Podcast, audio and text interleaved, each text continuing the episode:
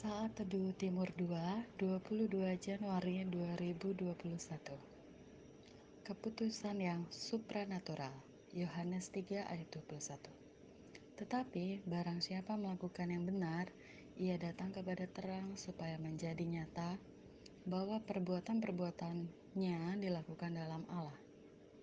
Ada satu keluarga di India yang bertempat tinggal di Assam, India di mana penginjilan dimulai oleh para misionaris-misionaris dari Inggris. Kepala keluarga itu bernama Noxen. Dia beserta keluarganya diadili di tengah-tengah kumpulan masyarakat karena imannya kepada Yesus. Dan ketika kedua anaknya ingin dibunuh beserta istrinya supaya Noxen meninggalkan imannya, ia tidak menyerah, melainkan mengucapkan kalimat I have decided to follow Jesus, no turning back. Aku telah memutuskan untuk mengikuti Yesus, tidak berpaling ke belakang. Setelah itu, maka nyawa Nokseng dihabisi juga karena ia tidak mau menyangkal imannya. Kematian Nokseng dan keluarganya berdampak besar bagi suku Garo di India, di mana 90% penduduknya mayoritas Kristen. Hal ini dikarenakan kepala suku tersebut penasaran dan membaca Alkitab, lalu menjadi percaya serta bertemu secara pribadi dengan Yesus.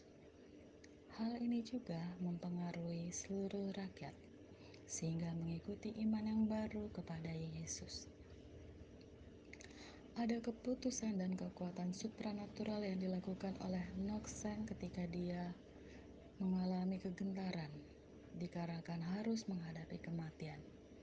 Bukan hanya dirinya, tapi keluarganya. Hal yang tidak mudah, tapi iman dia tidak gugur karena ancaman kepala suku tersebut.